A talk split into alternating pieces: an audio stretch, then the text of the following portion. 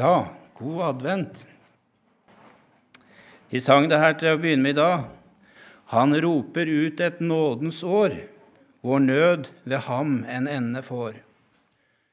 Det skal vi få stanse for i dag, denne frelseren som kom til jord. Vi skal fortsette med å be. Ja, kjære Jesus, takk at du har et navn som vi kan få lære å kjenne. Et navn med så deilig en klang. Et frelsernavn som vil føre oss inn i din himmel. Jeg ber om at vi må kjenne deg, og at du må kjenne oss. At du må ha vårt navn skrevet i livets bok, og at vi kan få ha vårt mål for livet hjemme hos deg. Jeg ber om din velsignelse over ditt eget ord at det kunne bli oss til evig nytte og gavn. Amen. Vi skal lese teksten fra Lukas 4, fra vers 16 til 22. Lukas 4, vers 16. Og han kom til Nasaret, hvor han var oppfostret. Etter sin sedvane gikk han på sabbatsdagen inn i synagogen, og han sto opp for å lese for dem. De ga han da profeten Jesajas bok, og da han hadde åpnet boken, fant han stedet der står skrevet:" Herrens ånd er over meg, for han har salvet meg til å forkynne evangeliet for fattige. Han har sendt meg for å forkynne for fanger at de skal få frihet, og for blinde at de skal få syn for å sette undertrykte fri, for å forkynne et nådens år fra Herren. Han lukket boken, ga den til tjeneren og satte seg. Alle som var i synagogen, hadde sine øyne festet på ham. Han begynte så med å si til dem, I dag er dette Skriftens ord blitt oppfylt for ørene deres. Alle gav ham vitnesbyrd og undret seg over de nådens ord som lød fra hans munn. Det er første søndag i kirkeåret, og teksten vi har lest, er fra starten av Jesu offentlige virke. For kort tid siden så var han blitt døpt av døperen Johannes, og deretter frista i ørkenen i 40 dager. Nå vender han hjem til byen han vokste opp i, til Nasaret. Og der i hjemtraktene så er hans høyeste prioritering det er å oppsøke synagogen for å høre opplesningen av Guds ord. Og så reiser Jesus seg for å lese. Tenk det. Denne gutten de har sett vokse opp. Tenk dere, dere mindre. En gutt som vokser opp iblant deres midte. En av dere. Hvis det er en krangel så gjør han hva han kan for å dempe krangelen. Hvis det er noen som sier noe, så er han ikke med på det som er stygt. En som er mild, en som er god, en som aldri gjorde noe galt.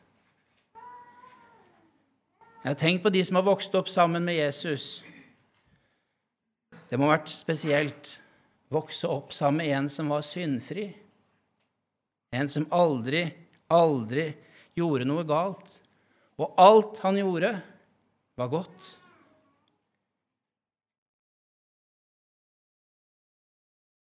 Og Så reiser Jesus seg for å lese der i synagogen. Der med de som kjente han. Dere kjenner meg. Det er noe helt annet. Det er en synder som står her. Men der sto det en som var fullkommen. Så leser han ordet, og så gir de ham profeten Jesajas bok. Og så leser han Og det gjorde han ikke for første gang. Vi leser de versene før at eh, han lærte i deres synagoger og ble prist av alle. Nå var han på hjemplassen, og Jesus gjorde som han pleide, og ville lære sine hjembygdinger hva Skriften formidler. I synagogen så ble det lest på sabbaten små avsnitt fra loven av syv personer. Så ble det lest fra profetene med en utlegging til, og her var det Jesus fikk lese.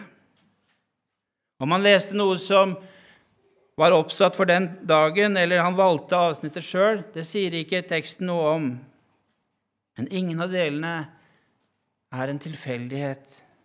Jesus er Ordet, og han vitner gjennom Ordet om hvem han er, og hvorfor han er kommet til jord. Så ordene som Jesaja fikk som en profeti 700 år før, de handla om Jesus og hans virke. Så var det et løfte om Messias for folkene som levde frem til Jesu komme. Og nå kunne ordene formidle hvem Jesus virkelig var, og åpenbare for folket det er Messias som er her, midt iblant oss. Han som har vokst opp iblant oss. Han er den lovede Messias. Så var nok forventningene hos mange at denne Messias-skikkelsen det skulle være en jordisk konge, en som skulle løfte det jødiske riket opp til gamle høyder. Men Jesus viser at hans komme og oppdrag det er først og fremst av åndelig karakter. Når Jesus skrev ned, Jesaja skrev ned denne profetien, så var det i kraft av at Herrens ånd var over ham. Men nettopp denne Herren, i Sønnens person, er det nå som leser Jesajas ord. Og han er selv oppfyllelsen av profetien. Og denne Herren, altså Faderen, har salvet Sønnen til hans gjerning, nemlig å forkynne evangeliet for fattige. Og så leser Jesus teksten. Noen få vers, så setter han seg ned, og alles øyne er retta mot han. I dag, i dag er dette Skriftens ord blitt oppfylt for ørene deres. Det må ha vært underlig å ha vært i synagogen i Nasaret den dagen. Gjentatte ganger kan vi i evangeliene lese om at Jesus blir spurt er du Messias, er du den som skal komme. Og Her sier han det på en indirekte måte. Den eneste måten profetien kunne vært oppfylt på, var at han var selve oppfyllelsen. Han har sendt meg for å forkynne for fanger. Han har salvet meg. Det er jeg som er den som er salvet. Det er Jesus som er den som er salvet. Og Et slikt utsagn det vakte reaksjoner. For folket trodde jo de kjente Jesus. De trodde jo han var Josefs sønn.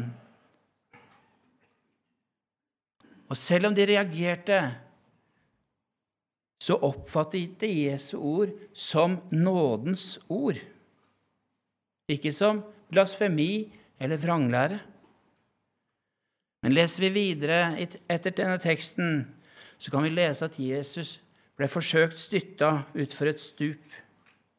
De hadde møtt Messias, de hadde hørt han utlegge Skriften, men de trodde ikke på ham, tok ikke imot ham. I alle fall ikke denne dagen. Tenk det. Høre Jesus sjøl utlegge ordet og ikke ta imot det.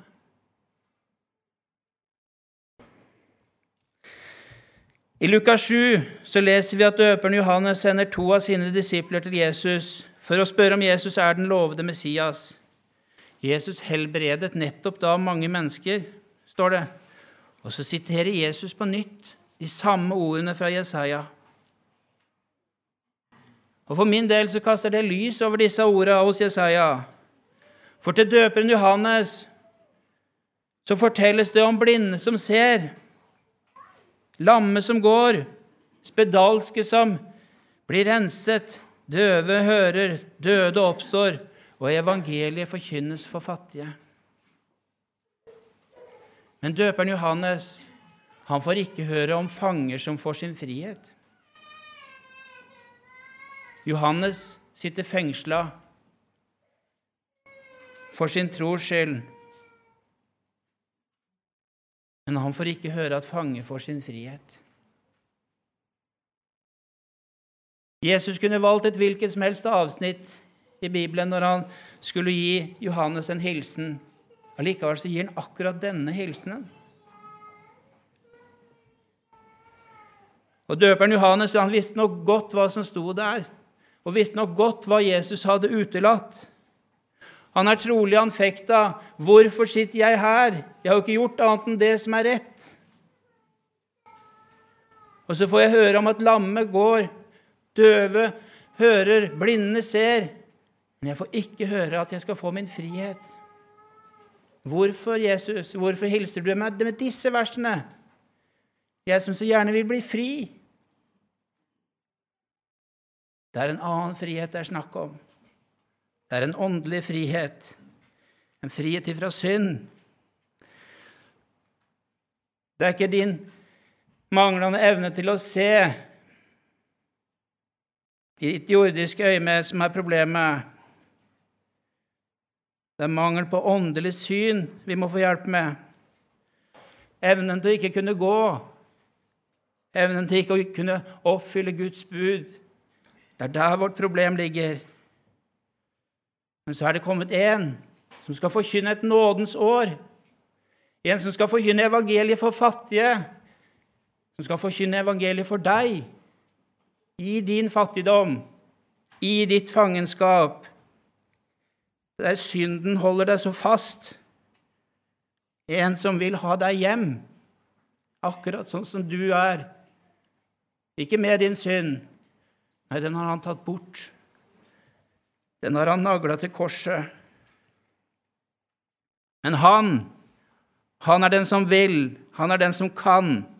Han er den som har som mål å få deg hjem gjennom å frelse deg.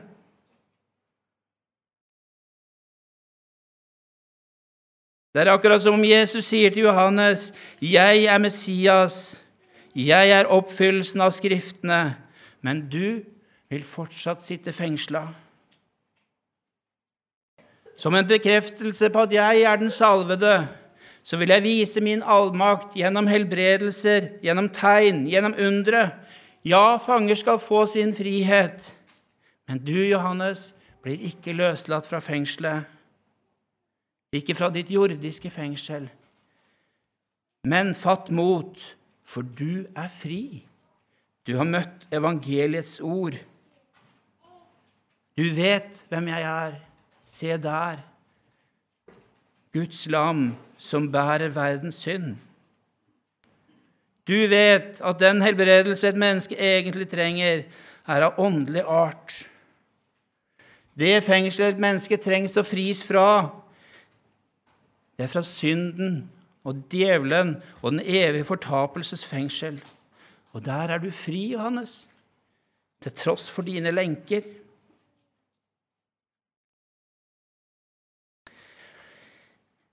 Det er brukt et bilde om det som skjer der evangeliet høres for første gang. Jeg husker jeg var i, i Afrika. Jeg var i, i, Tanzania, en plass der det var noen misjonærer som var for, for, nærmest for første gang. De hadde bodd der en stund. Og Så var vi hjemme hos denne familien, og så kom, kom far og, og, noen av barna hjem. De hadde hatt møte på torvet der i byen. Og Så kom den ene gutten inn.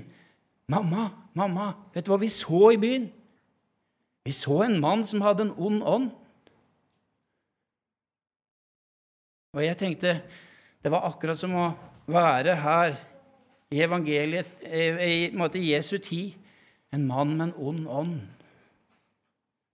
De opplevde disse tegn og under som følger evangeliet. Fungerer som en bekreftelse på Guds allmakt og tilstedeværelse i sitt eget ord. Men når ordet har fått lyde over tid, ei tid, så er det som om det avtar med disse undre og helbredelser og tegn. Folket har fått høre. Vi trenger ikke disse tegn og under for å bekrefte at Jesus er Herre. Guds ord er sant. Folket har fått mulighet til å møte Jesus i forkynnelsen, og ordet er det egentlige. Tegnene det er kun en hjelp i ordets tjeneste. Vi ser det i Jesu egne ord når menneskene ba om tegn. De har Skriftens ord. Når de ikke tror det, så vil de ikke tro selv om noen står opp fra de døde.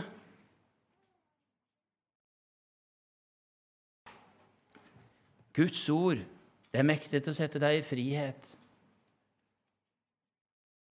Vi trenger ikke å søke Gud på grunn av tegnene. Vi finner Han i Hans eget ord. Vi ser av Jesu ord at han skal forkynne for fanger at de skal få frihet. Forkynne at de blinde skal få syn. Forkynne. Ikke helbrede. Ikke sette i frihet. Ikke gi syn. Så selv om han gjorde disse fysiske hendelsene, gjorde disse tegnene og undrene, så er det forkynnelsen som er det avgjørende. Det vesentlige. Og Så møter vi det med disiplene også. Når de kommer på nye plasser, så blir de fulgt av under og tegn, og gradvis så forsvinner disse underne og tegna. Men forkynnelsen lever videre.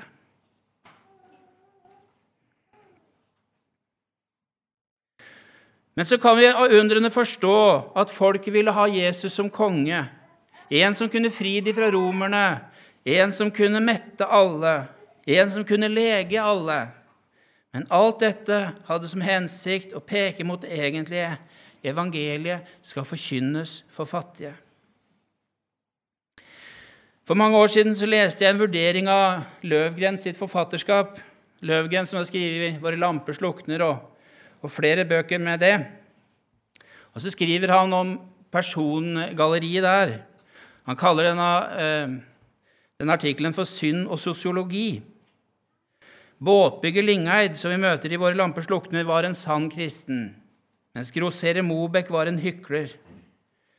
Mennesker med høy sosial status trengte ikke Gud og stolte på sin menneskelige rikdom, mens mennesker fra lavere samfunnslag måtte ha noe utenfor seg selv å klynge seg til. Ja, ofte er det sånn. Lettere for en kamel å komme, gå gjennom et nåløye enn for en rik å komme inn i Guds rike. Men det er ikke jordisk rikdom Skriften sikter til når det snakkes om at evangeliet forkynnes for fattige. Nei, det sikter til syndegjelden ethvert menneske har men ikke alle har fått øye på og fått problemer med. Det er nådebudskapet til den som ikke har noe å vise til, når det møter Guds fullkommenhetskrav for å komme inn i det himmelske, evige riket. Evangeliet forkynnes for fattige. Ikke de som var fattige, men som snart skal få skikk på det, men for alltid være på tiggeplassen. Hvordan er det med deg? Har du fått skikk på det? Til denne boka til Løvgren der møter vi en, en som har gitt seg over til Gud. Og Så spør denne båtbyggeren hvordan er det med deg nå. Du var så fæl til å banne før, du. Å ja, men jeg skal passe på å holde meg nå. Ja, Så du banner inni deg? Ja, men jeg skal passe på at du ikke slipper ut. Og Så sier båtbyggeren, 'Du har begynt å leve før du ble levende'. Synd er ikke noe vi får skikk på, noe som vi vinner over på en sånn måte at vi blir fri det for evigheten. Synd er noe vi får tilgitt. Og så får vi en trang til å ligne Jesus. Men frelsen ligger i tilgivelsen, i at evangeliet forkynnes for fattige, ikke for de som har fått skikk på det. Evangeliet er et budskap om tilgivelse for synd og for misgjerning. Ja, det er noen uttrykk som jeg stadig vender tilbake til. Å bomme på målet. Det blei ikke sånn som jeg hadde tenkt. Det kom så brått over meg, og så gjorde jeg noe som var galt. Men så er det et uttrykk for synd i Bibelen som jeg er så uendelig glad forstår. Han er soning for våre overtredelser. Jesus han soner for de syndene der du vet hva som er rett, og du vet hva som er galt, og så gjør du det gale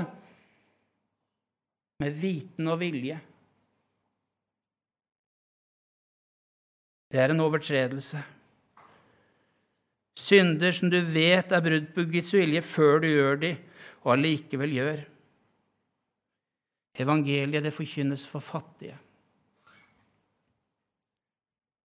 Forkynnes for deg som til stadighet kjenner deg fanga av syndens garn, lik døperen Johannes som var fanga i Herodes Antipas sitt fengsel så har evangeliet kraft i seg til å sette i frihet fra syndens skyld, men også syndens makt.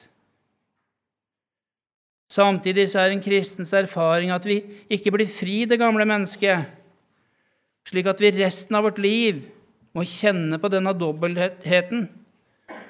Simul justus et peccator. Samtidig synder og rettferdig.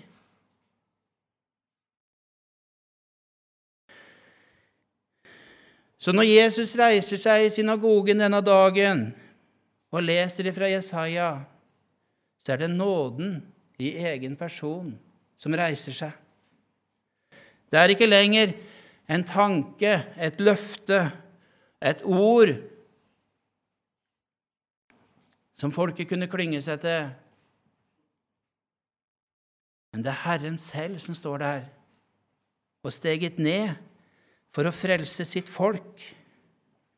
Han ble født i en stall i Betlehem julenatt. Og noen år seinere enn denne hendelsen så henger han på Golgata og gjør frelsesgjerningen fullbrakt.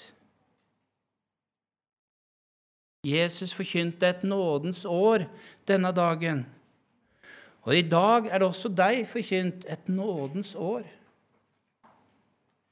Et nådens år som kan gi deg evig liv. Ikke bare et år, ikke bare en dag. Et evig liv.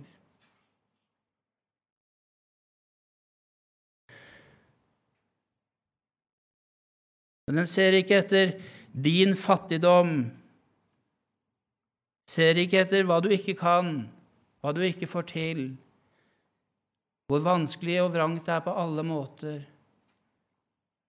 Det er et nådent sår, Et ufortjent budskap.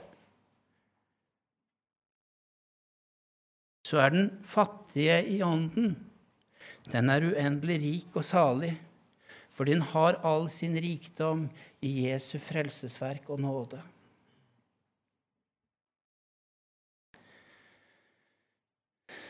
Ja, kjære Jesus. Takk for at du kom til jord for å frelse syndere. Takk for at du kom for jord for å frelse meg.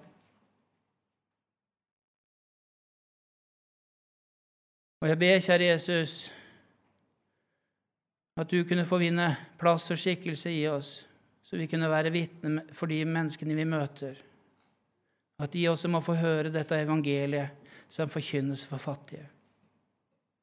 At de også kunne få bli kjent med deg, bli satt i frihet, få del i det evige himmelske riket. Takk for syndenes forlatelse. Takk for Golgata. Takk for ditt rensende blod og ditt hellige liv, som kan være all vår frimodighet og all vår rettferdighet framfor Gud.